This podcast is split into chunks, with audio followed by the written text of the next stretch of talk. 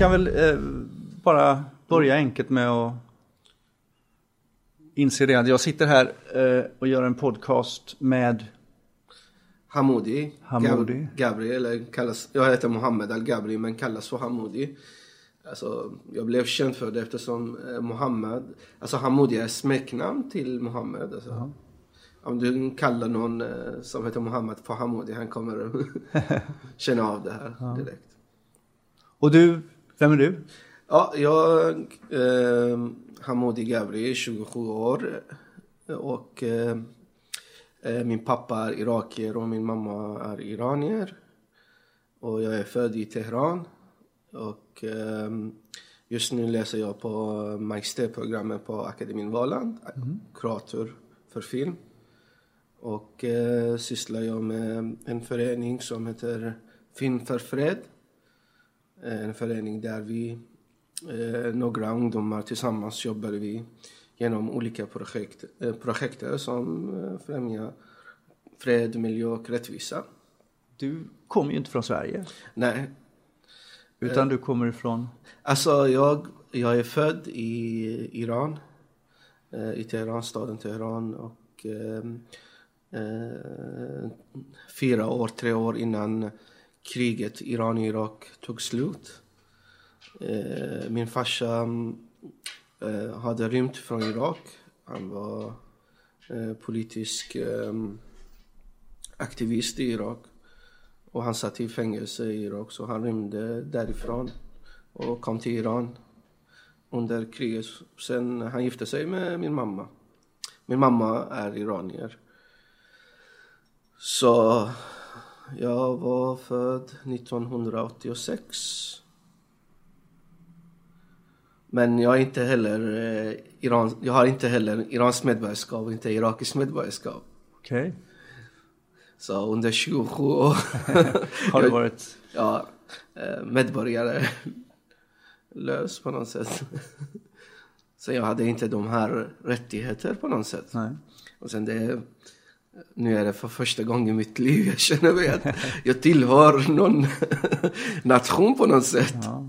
Du har blivit medborgare i Sverige Eh, Precis. för För eh, typ, eh, tio dagar sedan eller något. ja, typ en vecka sedan. En vecka alltså. sedan. Ja. Grattis, jag har Tack så redan framfört Tack gratulationer. Tack Och välkommen. Tack så jättemycket. Men det gör ju, så det innebar att du kunde inte gå i skola eller? Alltså jag kunde gå till skolan men jag kunde inte, alltså jag hade inte lika mycket rättigheter i Iran som alla andra iranier. Okej. Eh, till exempel, eh, det som var... Till exempel alltså i Iran eh, under den där tiden, man kunde inte läsa, eh, man kunde inte gå till gymnasiet. Nej. Eftersom un, under den här tiden Iran var, Iran hade väldigt svår situation. Alltså, Irans befolkning var runt eh, eh, typ 50-60 miljoner.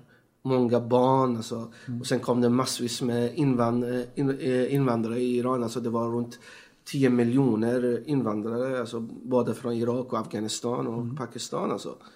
Så det var väldigt svårt. Och eh, Iran var under sanktioner från västvärlden. Och det var väldigt svårt alltså livet. Och jag kommer ihåg alltså, alltså vi hade ingen socker till teet eller någonting. Och det var väldigt svårt till bröd och sånt samtidigt. Men vi kämpade alltså. Jag var barn och vi kunde förstå vissa saker alltså, under den här tiden. Alltså många ungdomar idag kan kanske inte förstå den där tiden som vi hade upplevt under de här tiderna som vi var i. Och, och så eftersom du inte hade framtid där och inte skulle kunna Ja, utbilda dig och Precis. Så min eh, farsa bestämde sig att eh, eh, flytta från Iran. Så han eh, flyttade till Danmark Okej. och kom till Danmark. Och eh, efteråt vi emigrerade från Iran till Syrien. Vi kom till Syrien först. Vi bodde där i ett år. Och sen vi flyttade till Danmark. Och sen hände det grejer i Danmark så jag flydde från farsan, kom hit till Sverige. Okej.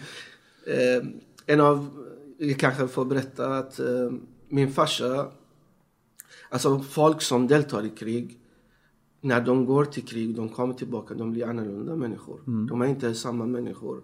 Alltså, eh, min pappa har varit, eh, alltså han satt i fängelse i fem år i eh, Saddam Husseins fängelse. Mm. Och han är psykologisk, eh, psykisk, handika psy- Mm. psykiskt handikappad på något sätt. Och sen han deltog i krig också, Iran-Irak-krig i åtta år. Och du vet alltså när en människa ser blod och när, ser, alltså, när han deltar som en soldat och sånt. Blir en annorlunda människa. Han var mycket aggressiv, han var mycket våldsam. Och eh, när vi var i Danmark, alltså vi såg det här hela tiden. Alltså, när, även när jag var barn. Alltså min pappa han eh, skilde sig från min mamma när jag var fem år. Alltså jag kunde inte se min mamma redan alltså, när jag var fem år. Så jag kom till en ny familj. Han hade, en, han hade gift sig med en annan. Så eh, jag bodde hos när jag var fem år. Alltså. Sen han hade den här aggressiviteten och det här psykiska handikappade på något sätt. Alltså, jag kunde förstå hon, honom alltså, redan när jag var barn. Alltså, för att han berättade hur det var svårt, hur svårt det var och så. Sen när jag kom till Danmark. Det var, ett, det var annorlunda alltså. Det var helt annorlunda. Han kunde... Eh, han, han var uppväxt eh, i, i något annat miljö. I något annat kultur. Ehm, och Är han Irak-Iraki eller är han kurd eller Nej, han är från södra Irak. södra Irak? Ja. Okej. Så det var väldigt svårt för, hon- för honom att, du vet när man kommer till Danmark, alltså när jag kommer till en västerlands, det här med demokrati och frihet och sånt. Alltså många föräldrar, de är väldigt rädda. För att eh, de är uppväxta i en annorlunda kultur på något sätt. Annorlunda miljö. De är rädda för att deras familjer splittras eller blir annorlunda och så. Min, fa- min farsa var lite sånt också. Han var mycket rädd och så. Så han var mycket våldsam mot oss på något sätt. Och eh, det kom en dag så jag var tvungen att eh, fly från honom. Och fly från honom från Danmark och komma hit till Sverige. Och eh, alltså den där dagen jag kommer ihåg alltså när jag flydde från han. Alltså jag var typ eh, 14 år gammal. Och jag kommer ihåg de där dagarna så jag satt fängslad i, i en ehm, i ett utrymme under huset. Utan mat, utan kläder och det var kallt alltså under tre dagar alltså. Och eh, det var min syster som hjälpte mig att komma ur därifrån och jag flydde till Sverige. För 14 år sedan. Och sen när jag kom till Sverige Alltså jag älskade min farsa. Alltså. Jag gjorde inte som mina andra syskon gjorde. Att de gick och anmälde min farsa. Jag kom hit till Sverige och berättade att jag kom direkt från Irak istället. Okej. Okej. Ja, för att jag var rädd för min farsa och jag älskade honom på något sätt. Jag ville inte göra honom illa. För att jag såg att han, han besatt, alltså, han har sett för, för mycket i sitt liv. Är det äldre syskon, syskon eller yngre? Yngre. Yngre. Hur gammal? Du var 14 år då? Ja. Så jag var 14 år jag kom hit till Sverige ensam. Sen, jag var tvungen att berätta att, att jag kom direkt från Irak alltså. För att det var många olika saker. Jag var rädd att jag vill, jag vill inte skickas tillbaka till Danmark, till min farsa. Och jag vill starta ett nytt liv. Där jag bestämmer själv och inte min farsa bestämmer över mig längre. Jag, vill, jag valde att ha ett annorlunda liv. Så jag flydde därifrån. Hur var det att komma hit då? Det var jättebra faktiskt alltså, i början. Det var svårt. Men vi var barn alltså. Hur länge hade du bott i Danmark då? Bodde i tre år. Okej. Eller två år. Två Hur, mycket år. hur mycket danska kunde du då? Jag kunde bra danska faktiskt. Och, eh, men när jag kom hit till Sverige så jag talade engelska för att jag kunde förstå svenska. Alltså. Det var lättare för mig att förstå, att lära mig svenska. Ja. Men eh, ja, efter... Vad, vad, vad händer när man kommer som, som ensamkommande flyktingbarn? Alltså vad, hamnar man på, på flyktingförläggning eller? Ja, precis. Jag kan eh, berätta lite alltså, Ja, hur det jag, hände. Jag Den här, är nyfiken. ja, alltså, vad var orsaken? Hur jag kom? Alltså, jag flydde från Danmark till Sverige. Jag kan berätta lite eh, med mer detalj och sånt. Um, alltså, jag kommer ihåg alltså, de sista dagarna innan min pappa tog mig och började tortera mig på något sätt. Alltså, han såg mig i en köpcentrum eh, med andra mm, kamrater, elever och sånt. Och han trodde att jag hade en flickvän. Så han var lite emot, eh, alltså, sådana grejer. Alltså. Och eh, när jag kom hem, eh, han satte mig i en sån, vi hade en, eh, någon slags rum under huset som ingen kunde se, alltså in, ingen kunde eh, Ett förråd eller? Ja, ett förråd och sånt. Och det var... Och han kastade mig där under tre dagar. Utan mat, utan kläder, utan någonting och så, så här. Och han... Eh, alltså jag var rädd att jag skulle vet, du, dö. Alltså jag, jag trodde att jag skulle dö på något sätt. Och min syster på något sätt öppnade dörren och sa till mig att jag skulle alltså, Springa. springa iväg, alltså fly. Rymma därifrån. Och sen jag hade ingen pengar alltså. Jag hade ingen pengar, jag hade ingenting. Och, eh, och när jag var barn, jag älskade Holland alltså. Mhm. Jag, jag älskade landslaget och Ja, jag jag följde tänkte upp det hade med fotboll att göra Ja, precis. säkert. Ja, precis. Du vet. Sen landet har blommor och så, Ja, och så vackerhet och så. Så jag bestämde mig att åka till Holland istället. Starta något liv där. Så jag, bodde i Odense, en, eh, eh, i en, eh, en stad i en ö som ligger i mitten mellan Själland och Jylland. Jylland, precis. Och jag hade inga pengar, jag hade bara en boskor så jag gick på tåget. sen, och sen den åker, alltså, alltså det åker tåg hela tiden. Alltså, om, ni, om ni har varit i Danmark så ni vet alltså det åker tåg hela tiden. Så jag åkte, jag, jag gick bara på tåget, skulle till Köpenhamn. Sen. Och sen när det kom biljettkontrollanterna Sen de kastade ut mig från tåget, så jag tog nästa tåg. Så det tog mig typ eh, fyra timmar att komma till Köpenhamn. Och sen jag hade sån rädsla att min farsa skulle förstå, Hitta dig. alltså, ja, kolla efter mig och börja ringa hans vänner och sånt. Så jag var mycket rädd alltså, under den här tiden. Så jag gick fram till informationen, jag sa till dem, när går nästa tåg till eh, Amsterdam eller till Holland? De sa att det går om, eh, om två timmar. Så jag tyckte det var väldigt långt. Så jag gick lite runt och sånt. Sen jag kom tillbaka till informationen och pratade och, och frågade eh, när går nästa tåg till utomlands? De berättade att den går om 20 minuter på spår 26. ja. Sen det var mitt öde på något sätt. Och då hamnar du i Sverige. Ja, jag gick till spår 26, tog tåget, gick på toaletten, stängde dörren. Sen kom till Malmö, s-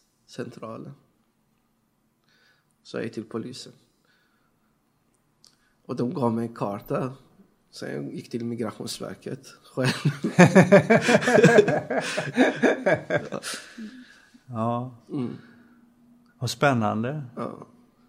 Sen, eh, ja, jag satt, eh, det var en sån flyktingsläge i Malmö. För de som kommer ny, nya. Anlända. Ja, anlända. Så jag satt där typ en dag och nästa dag gjorde jag intervju. Och samma dag, alltså nästa morgon när jag skulle göra intervju. Det var en kille, han, han också hade rymt från sin farsa från Danmark. Från sina föräldrar. Så han var framför mig och han talade danska och jag kunde förstå honom. Så jag såg framför mig alltså, på något sätt. Att han berättade för dem att han kom från Danmark, alltså han rymde från föräldrar han, han kunde inte gå tillbaka till Danmark och sånt. Sen jag såg att poliserna kom, de tog honom och Och skickade skickade till... tillbaka honom till Danmark. Ja. Sen det var så här alltså, okej, nu ska jag inte berätta att jag är från Danmark. Sen berättade jag att jag var från Irak. Är det någon som har under processens gång, är det någon som har avslöjat dig att du har, alltså under de första åren du var här, var det någon som kom på dig att du var från Danmark? Eller berättade du för någon att du var från Jag Danmark? berättade. Alltså, alltså det var ett väldigt eh, jobbigt period alltså, under det här året. Eh, de två första åren. Alltså, tills nu, alltså, jag håller på och drömmar. Alltså, tills nu, tills idag.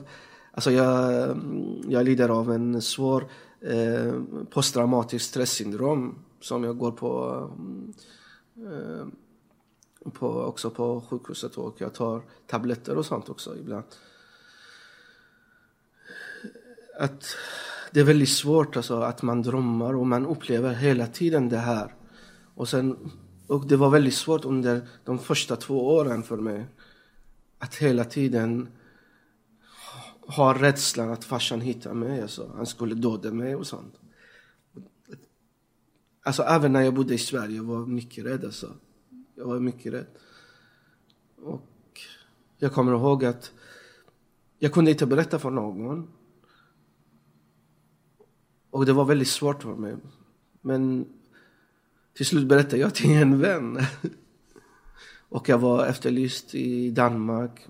Sen ringde jag min lärare i Danmark och han förstod. Alltså han, han visste att min pappa eh, mycket, var mycket våldsam mot mig och sånt. Och torterade mig på något sätt. Och att han hade sett min rygg och uh, överallt och sånt.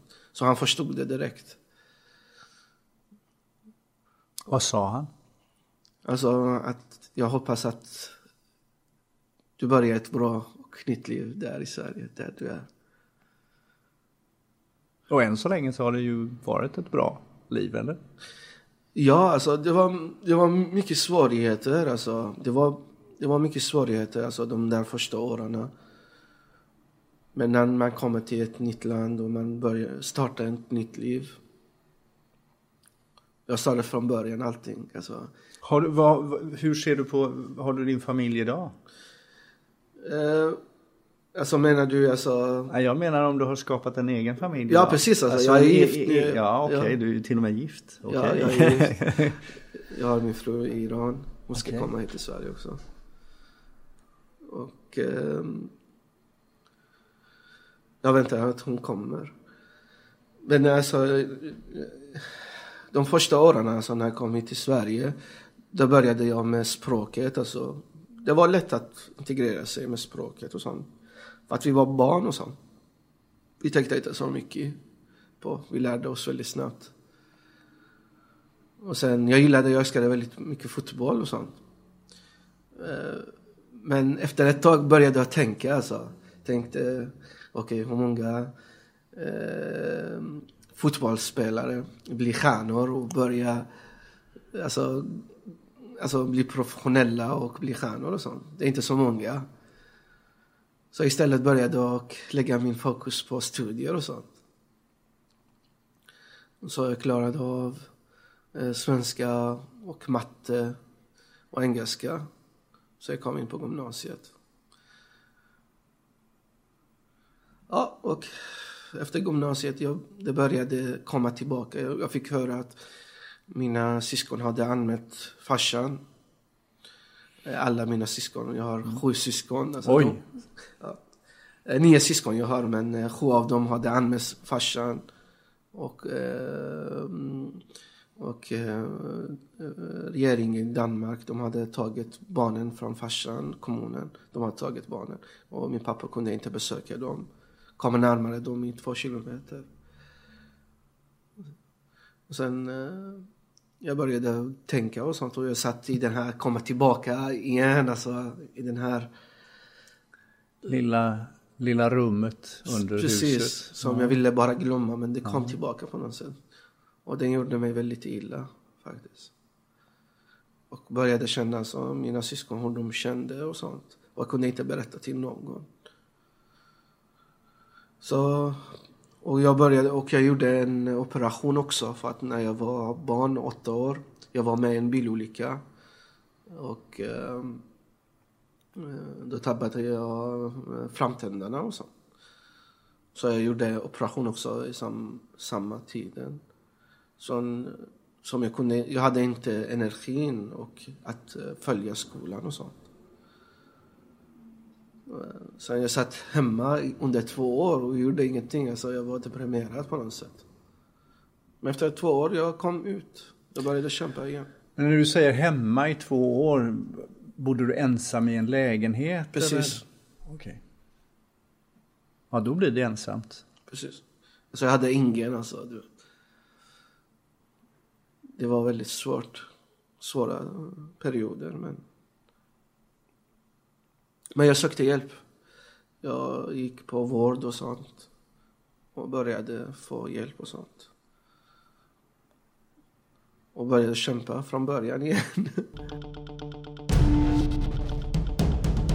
och eh, vi har en eh, filmfestival som är på gång nu också. Till eh, i slutet av maj. I början av juni någonting sånt. Som eh, kommer att handla också om dessa frågor, miljö, rättvisa och fred. Ja, vad ska jag säga? Är det unga som gör film? Ja. Ja, unga under 22, mm. under 30 någonting. Ja. Mm. ja. Varför film?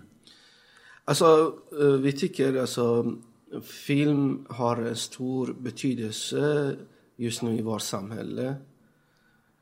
Och eh, om man går tillbaka i tiden, alltså om man går tillbaka i historien och sånt, alltså själva språket och själva skriftet kommer från bild på något sätt.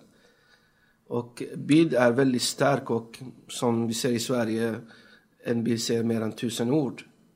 Och sen, eh, det är väldigt starkt med bild och där man kan eh, ge olika, alltså man kan visa olika situationer, man kan visa eh, eh, olika saker som man kan inte beskriva det med ord.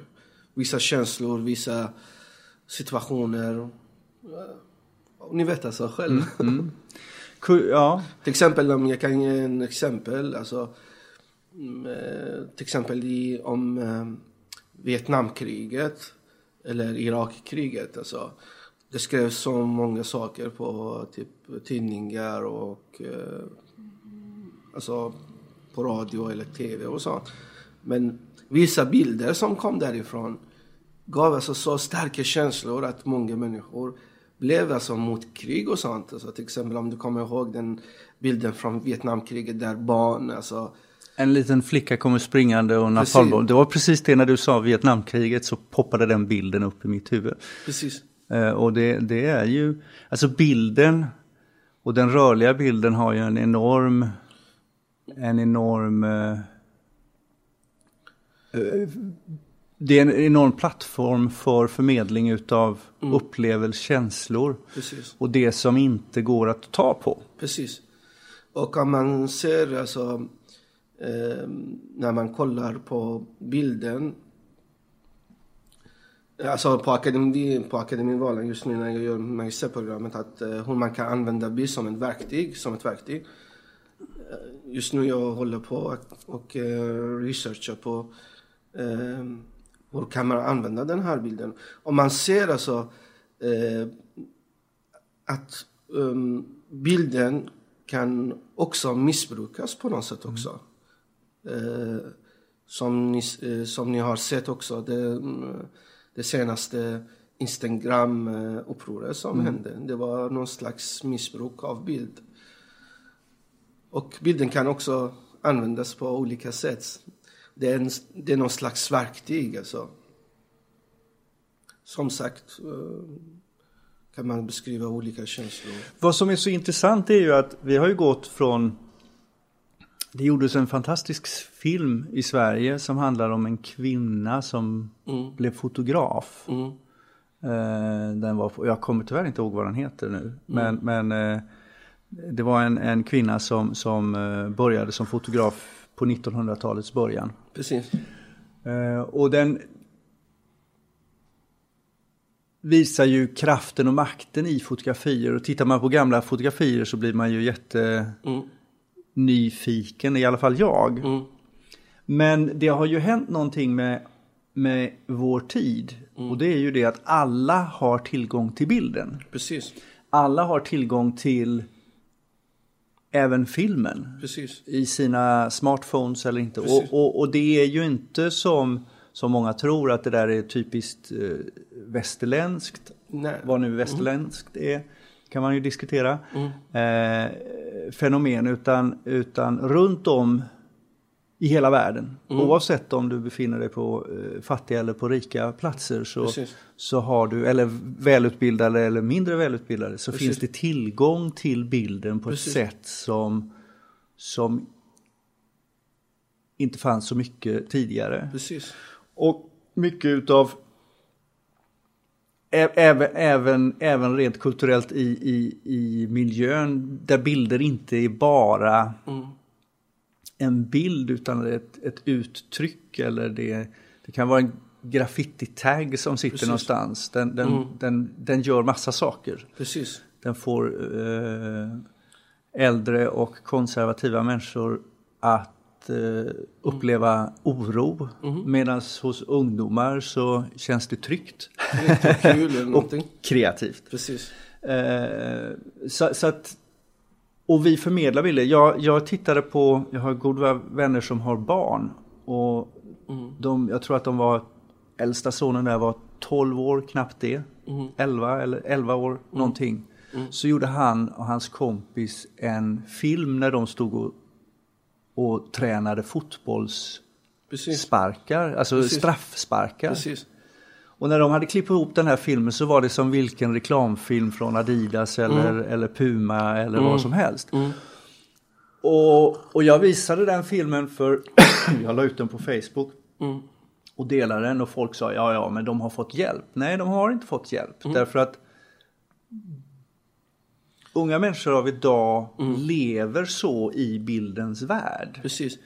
Och Att- däremot också, vi har fått den här teknologin alltså. Nu är teknologin lättare. Alltså, alltså ibland jag ser alltså vissa unga människor, alltså till exempel 15-14 år, alltså sitta hemma och göra alltså sådana animationer som Hollywood har inte kunnat göra. Alltså. Alltså, det finns teknologin och, och vi vet alltså ungdomar i, i deras ålder, de är mycket kreativa alltså. Som vi inte är. Ja, det är inte bara kreativiteten utan det finns också en... Mm. Det är som jag säger, även när jag pratar med, med, med folk som är 20 år och upp till din ålder då. Mm. Så, så säger jag att ni tillhör ju inte internetgenerationen fullt ut. Precis, Ni kommer fortfarande ihåg hur ett kassettband ser ut. precis. Men de som är 12-13 år idag, Ja, de vet inte vad ett kassettband är. precis. De, de, de, de vet inte vad en vanlig telefon är. Precis. De utgår från att alla telefoner är datorer. precis. De eh, utgår från att man inte bara kan ringa var som helst utan man Precis. kan också ta reda på information var som helst. Och vi har inte riktigt förstått. Mm. Våra politiker har inte förstått. Mm. De flesta vuxna har inte förstått. Mm. Och vi kan inte ta till oss eller ens fantisera om Mm vad det kommer att föra med sig. Mm. Ja, det alltså, som, som du sa, alltså, vi vet inte. Alltså, det finns både hot och det finns också man, hopp alltså, på något sätt. Och det är som min lärare också på akademin på Åland säger. Alltså, vi i Sverige, eh, någonstans, någonstans alltså, i början av eh, 1900-talet, då Sverige bestämde sig att varje kommun ska ha en fotbollstränare. Och det växlade, den här eh, fotbollskulturen på något sätt. Nu alla, vem som helst, om du frågar vad är, vad är typ penalty eller eh, frispark, Mm. de vet om det.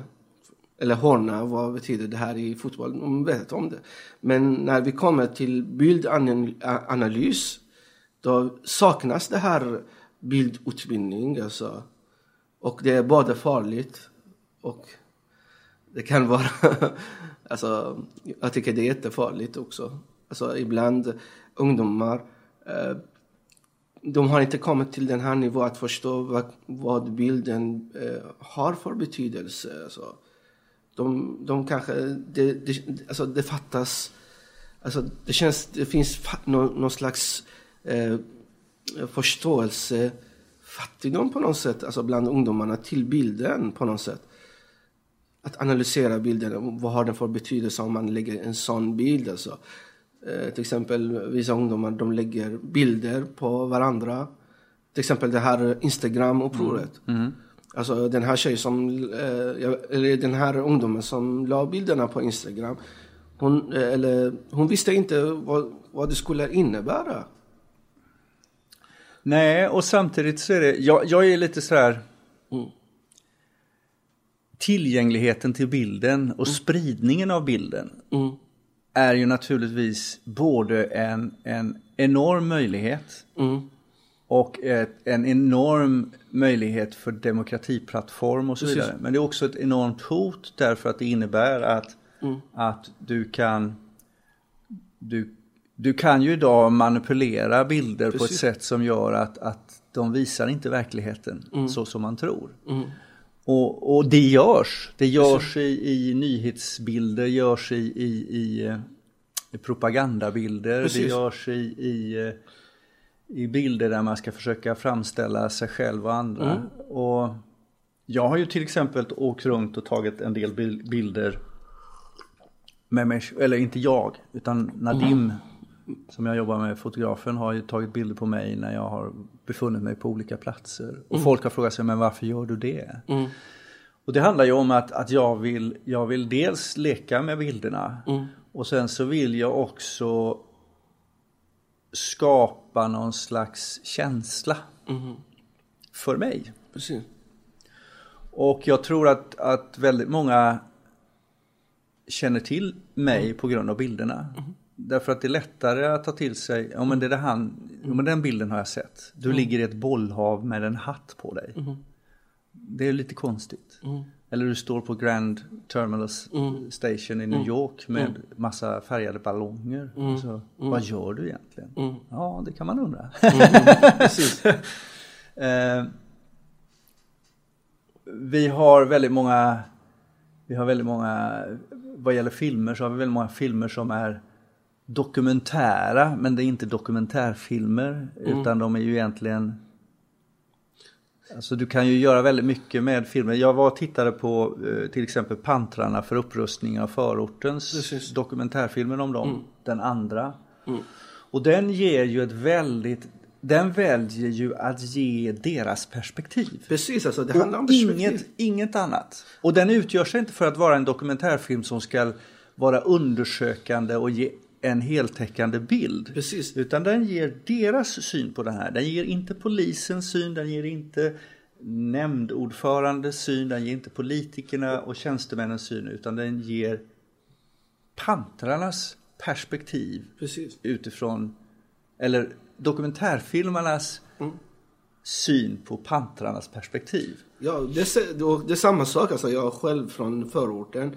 Och jag upplever inte den här, jag upplever inte den här perspektiven som pantrarna beskriver eller andra i förorten beskriver. Alltså, jag upplever ett annorlunda perspektiv på något sätt.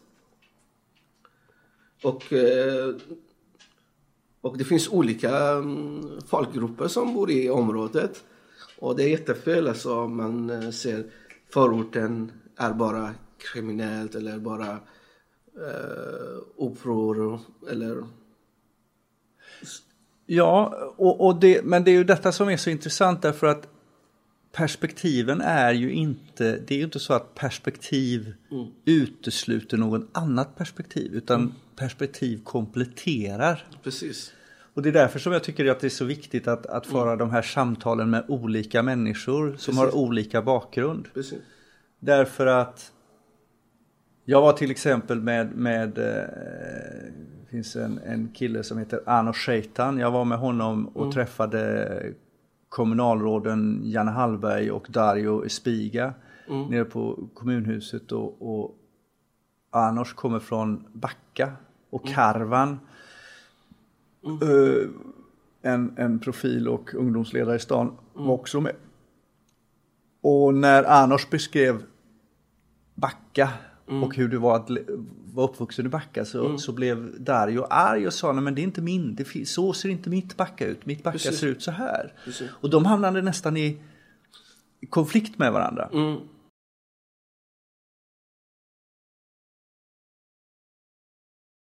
Arnors perspektiv är ju hans perspektiv. Precis. Det är en ung mans perspektiv av hur det är att vara i Backa. Precis. Och ta sig runt och utanför sina begränsningar. Precis som alla unga människor ska göra. Att ta sig bortanför först hemmets väggar och ut i världen och, och så vidare. Och då möter man på kriminaliteten och man möter på orättvisorna på ett visst sätt. Darius perspektiv är eh, hemma förälderns, pappans, Precis. eh, fredagsmys, Precis. Middagar med grannar och Ja. så vidare. Och där finns inte det här andra perspektivet. Där, finns, inte, där finns inte de illegala vapnen, där finns inte... Precis. Där finns andra problem, där finns andra utmaningar. Precis. Och, och det vi måste inse det är ju att, att, eh, att det är olika. Precis, att vi lever i demokrati och på något sätt att vi måste också respektera eh, andra eh, perspektiver, alltså att de finns. Och de här olika perspektiven skapar den här den gemensamma perspektivet på något sätt. Att vår, eh, vår värld är eh, eh, Alltså den, eh, den ses på olika sätt alltså. Alltså till exempel den här koppen, alltså du ser det helt annorlunda från din perspektiv och jag ser det helt annorlunda från mitt perspektiv. Och det är samma sak. Det är därför jag tycker matte är så viktigt. därför mat, matematik är ju att Precis. beskriva någonting från olika perspektiv. Precis. Geom, alltså figurer och figurlära och, och, och, och, och där blir också konst, konst, konsten och konstnärskapet viktigt. Bild och bildanalys blir viktigt. Precis. Eh, därför att det är ju väldigt tydligt. Perspektivet blir väldigt tydligt när du jobbar med bild. Mm. Och det är jättebra att förstå andras eh, perspektiv när vi mm, vill komma och eh, kunna lösa problem och sånt. Vi måste eh, kunna se problemen. Om vi inte kan se de här problemen det är väldigt svårt att lösa problemet på något sätt. Så eh, bild och eh, rörlig bild är väldigt eh, stark ehm, eh, verktyg för att kunna, eller hjälpmedel för att kunna förstå dessa problemet. Och det är därför vi i Film för fred, alltså, vi har förstått det här på något sätt och vi vill eh, gen, genom bild och rörlig bild, rörlig bild alltså eh, synliggöra dessa problem på något sätt. Ja. Men efter ett, efter ett tag jag fick förstå att det är inte slut alltså, det finns andra vägar. Jag skrev en debattartikel i GP om, Mm. om, om eh, skjutningarna i Biskopsgården där jag säger att visst, vi måste ägna oss åt brandsläckning och det är polisens jobb att göra det. Vi ska inte ha folk som springer runt med vapen. Men Mm. vi måste ta tag i inte symptomen, för det här är en symptom. Precis. Alltså, det- det- utan vi måste ta tag i de bakomliggande Precis, alltså- problemen, nämligen utanförskapet. Och jag, jag utanförskapande strukturer Precis. brukar jag säga, nämligen när du inte är med. Ja, alltså i varje kultur alltså, så, alltså det här händer, eh, alltså våld när man känner sig alienerad, man känner sig utanför. Då kommer det sådana slags av våld och sånt. Och oftast det är oskyldiga som får betala för det. Ja, och det, och det är inte ett dom-problem utan ett, ett oss-problem. Precis. Det, det, är som, det är inte ett problem i Biskopsgården eller eh, Hjällbo eller, eller någon annan stadsdel. Det är ett problem för Göteborg och det är ett problem för Västsverige och det är ett problem för Sverige och i förlängningen världen. Precis. Och därför så är det ett, ett, ett, en fråga som berör alla. Precis. Eh, lika väl som, som, eh, som eh, det faktum att eh, man kan göra det väldigt personligt i ditt fall. Det faktum att, en- att en pappa mår så dåligt att han, att han känner sig tvingad att ta till vaktvedel för att göra sin värld begriplig och hanterbar. Precis. Det vill säga sin familj och sina närmsta. Precis. Och eh, därför att, därför att när du är utanför Mm. det som han kan hantera så utgör du ett hot. Precis. Därför att hans världsbild Precis. håller på att rämna. Precis. Och, och, och man kan göra en enkel jämförelse med, med eh, man brukar ju prata om att barn har, går igenom olika trotsåldrar. Mm. Och det handlar inte om att de att det är så här att är du barn och fyra år så ska du ställa till ett elände för dina föräldrar. Mm. Det finns fyraåringar som inte behöver gå igenom en sådan revolt Precis. att de uppfattas som jobbiga. Men ju mer vi lär oss om, om våran omgivning ju mer måste vi förändra våran bild på världen. Precis. Vi måste bygga om våran karta. För att göra världen begriplig så bygger vi en struktur och en, en, eh, en, en, eh, en karta. Precis. En bild av hur vi tror att saker och ting hänger ihop. Så blir vi lite äldre. Och det, det, det vanligaste är att eh, det tydligaste så här stegen som sker det är att barnet växer upp, slutar amma, börjar äta, sitter i barnstol och äter och det är jätteintressant. Kryper, men inte så mycket. Och sen så börjar barnet gå. Precis. Och helt plötsligt så är maten ointressant. Då, då, blir, Det här då, självständigheten. då, då blir det helt plötsligt så här, bara, bara hungern dämpas så vill jag iväg. Därför jag vill upptäcka världen. Precis. Och, och, och det slår nästan aldrig fel. Därför att barn som precis har börjat gå f- tycker föräldrarna blir jättejobbiga när de ska äta. Därför att de vill inte vara där. Precis. Äta har de lärt sig. Precis. Då har de tillfredsställt sitt behov. Då är nyfikenheten på maten nästan slut. Utan nyfikenheten på, på vad som finns runt hörnet, vad som finns bortanför dörren. Det blir intressant. Precis. Vad som finns uppe på bänken om man har lärt sig att klättra och så vidare blir intressant. Och så bygger man om sin världsbild. Och sen när man har byggt om sin världsbild så funkar inte förhållningssättet längre. Tar du, en, en, du kan ta en bebis som är runt 6 till 8 månader.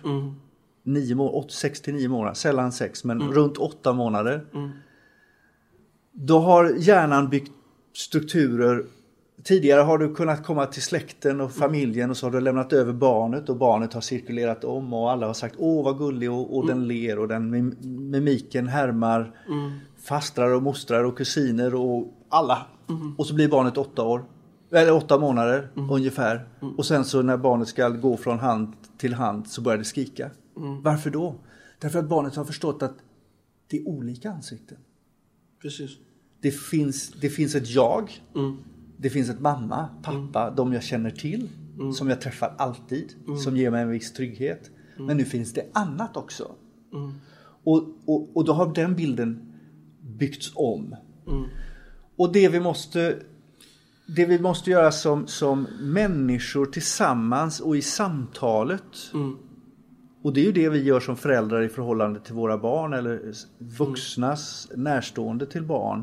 Det är ju att hjälpa till att bygga nya modeller. Precis. Och att vara acceptabel, alltså acceptera, Precis. ställa frågor. Jag brukar, jag brukar säga det att vi, vi ska aldrig säga nej.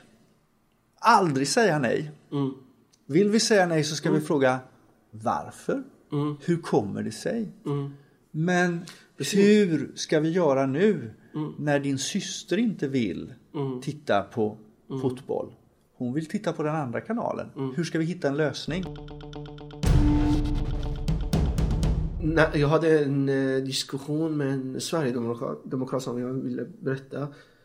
När, alltså, han började komma och sa, "Ja, går du på, vad heter det, går du på SUS? Du sitter hemma och du gör ingenting och sånt. Och han, såna, han, han påstod att sådana grejer som jag, jag, jag hade ingen aning om. Jag kanske jag har gått på alltså, social, på social, alltså, fick socialpengar och så, men det var ett period som jag, jag hade ingen an, andra möjliga vägar. Jag mådde inte bra och sånt, men när jag mådde bra, jag började gå på skolan, började söka jobb och sånt. Och sen han, han hade han skapat en bild av mig i förväg. Och på grund av andra som berättade om mig. Men jag kom och började berätta om mig själv. Började berätta, nej det är inte så här, jag, vem är Berätta om mig själv. Och började se, ge min perspektiv till honom. Då började han förstå. Då han började säga, oh, okej. Okay. Då började han säga, okej okay, jag har respekt till dig. Och jag sa till honom, jag har respekt till dig. För att oftast när du... Um, okej, okay, det, det, det, finns vissa folkgrupper, de är instängda i deras värld. Till exempel, jag vill, dig, jag vill ge dig en, en exempel för att förstå dem. Till exempel om eh, om du går till en folk, eh, en person som hela sitt liv har hört 2 plus 2 är 3. Han går till skolan, 2 plus 2 3. Han går till i hem, hemmet, 2 plus 2 3. Och sen plötsligt du kommer till honom och säger nej, 2 plus 2 är 4. Och säger, du är dum i huvudet. Mm. Och säger, fan du är idiot eller någonting. Alltså. Och sen om du gör det med våld, det blir mer alltså. Är mycket, alltså förstår du? När du kommer och springer, stå och skrika mot honom och man säger okej, okay, han kommer att tänka, ah, det så, den grejen som jag gör är rätt. Men det, det, är samma sak, det är samma sak som den här skulpturen som jag menar med bokstaven E och I. Precis. Om de som ser att det är ett E Precis. ställer sig och ropar men ni är ju dumma i huvudet, det ser mm. ni väl att det är ett E. Mm. Hur, hur, ska jag kunna få dem att förstå? Precis. När du kommer och med respekt, alltså första respekten, att vi håller respekten. Du vet, alltså jag har pratat med många olika folkgrupper, alltså jag har den här um, erfarenheten. Det som jag har lärt mig först, att den här personen som jag pratar med, han har dignity, alltså vad kallas det? Uh, han har respekt för sig själv. Alltså, mm. han, vill, han gillar att någon annan respekterar honom. Mm. Och man måste respektera det här. Att den här. Det här är en människa du pratar om. Han har en bild av dig. Den är fel. Men vad beror på? Det är inte, det, det är inte, det är inte han som är orsaken att den här biten har skapat. Det är ett system, det är en miljö som har, för, eh, som har, eh, har, alltså har, har lett till att han har skapat den här perspektivet. Eller han ser mig genom det här perspektivet. Så jag kommer med honom, jag har en dialog. Så när jag har dialog med respekt och sånt, han börjar respektera mig. Och säger, nej det är inte så. Han är inte så. Alltså, de folken är inte så. Inte på det här sättet. Så han börjar se andra. Det är...